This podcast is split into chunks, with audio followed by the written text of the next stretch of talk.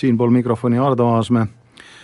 ja oleme jõudnud ähm, Eesti parlamentarismi sünni ülevaates aastasse tuhat üheksasada üheksateist ja olgu öeldud, et ähm, viiendast seitsmenda aprillini hakkas siis Eesti rahvas uuesti valima asutavat kogu. meenutagem seda, et aasta varem olid nad seda teinud, kuid ähm, see lõppes nurjumisega, asutav kogu valiti ära,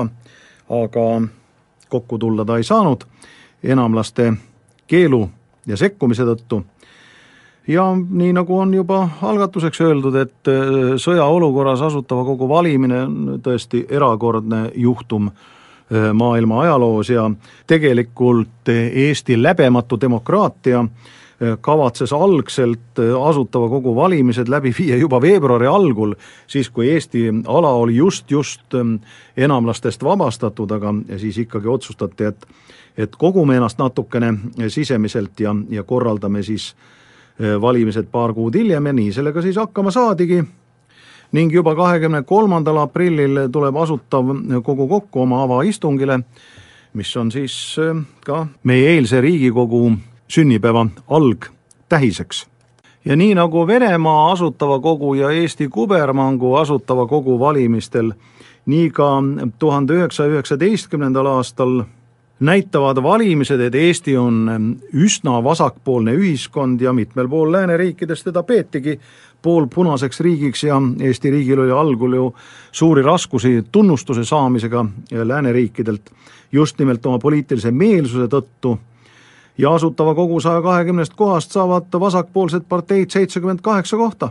Nad koguvad kuuskümmend neli koma kaks protsenti häältest ja kui Asutav Kogu otsustab veel ka mõisad võõrandada, siis äh, lääne pealinnades, äh, kuhu teated Eestist jõuavad ju ikkagi tollel ajal kilpkonna kiirusega, kuigi hädapärane telegraaf juba töötas, äh, siis ikkagi tundus see kõik niisuguse isehakanud, isepäise, vasakpoolse lihtrahva riigina. aga lihtrahva riik tegelikult Eesti inimestele meeldis ja sobis ja tuleb tunnistada, et ähm, lihtrahvariik sobib Eesti inimestele täna ka veidi paremini kui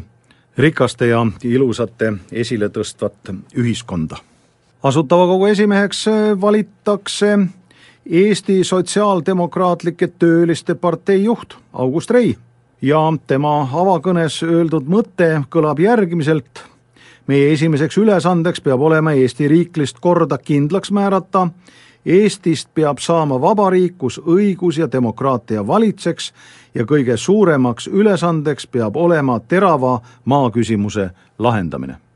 hea on seda rääkida, kuid palju keerulisem kõike seda teha, sest ähm, maaseaduse vastuvõtmiseks äh, kulub ähm, asutaval kogul mitu kuud, sest kui me meenutame seda, et kokku tuldi juba kahekümne kolmandal aprillil,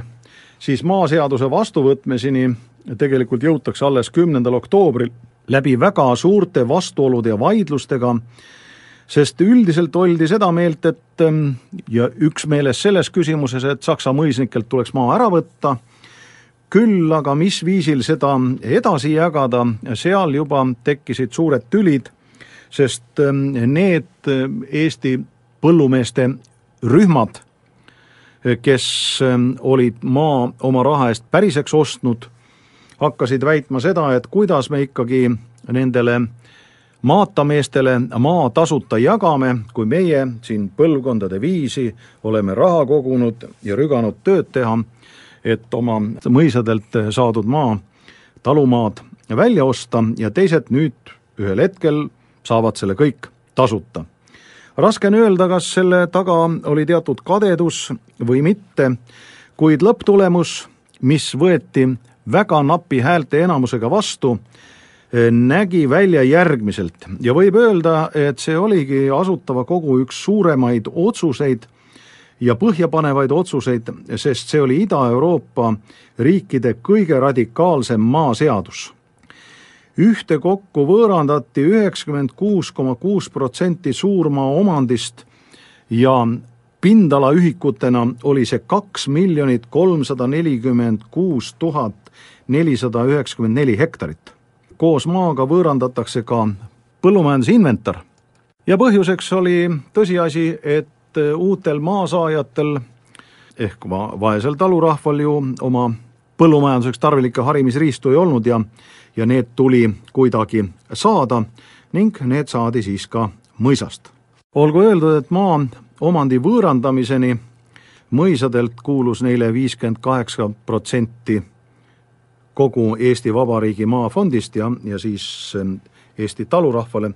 jäi siis nelikümmend kaks protsenti. olgu öeldud, et neid mõisu, kui nüüd asutav kogu nad ära võttis, oli juba võõrandatud ka varem nimelt enamlaste ajal pärast ähm, enamlikku riigipööret tuhande üheksasaja seitsmeteistkümnendal aastal juba korra mõisad võeti ära sakslastelt, siis tuli Saksa okupatsioon ja andis need loomulikult tagasi. ja nüüd siis võõrandati teist korda ja juba lõplikult. olgu öeldud, et nende võõrandatud maade alusel mm, oli siis tuhande üheksasaja kolmekümne üheksandaks aastaks loodud viiskümmend neli tuhat uut talukohta, nii et Eesti viis läbi väga radikaalse maareformi. hiljem tuli sellest palju tüli ka rahvusvahelises mõttes, sest ähm, algselt võeti ju sakslastelt ära maa või Saksa maaomanikelt maa ära tasuta, tasu küsimus lükati kaugesse tulevikku, aga näiteks ähm, kahekümnendatel aastatel oli Eestil raskusi Rahvaste Liidult laenu saamine. Ja selle üheks tingimuseks oli siis ähm, Eesti Riigikogu otsus kahekümnendatel aastatel, et ähm, Saksa mõisnikele siiski need maad kompenseeritakse võlakirjadega, võlakirjad pidid välja makstama tuhande üheksasaja kuuekümne seitsmendaks aastaks, kui mu mälu ei peta, ja need jäid tegelikult ka välja maksmata, kuid laen saadi. nii et tolleaegne radikaalne maareform ei sobitunud hästi tolleaegse Euroopa ja maailma arusaamadega neist asjust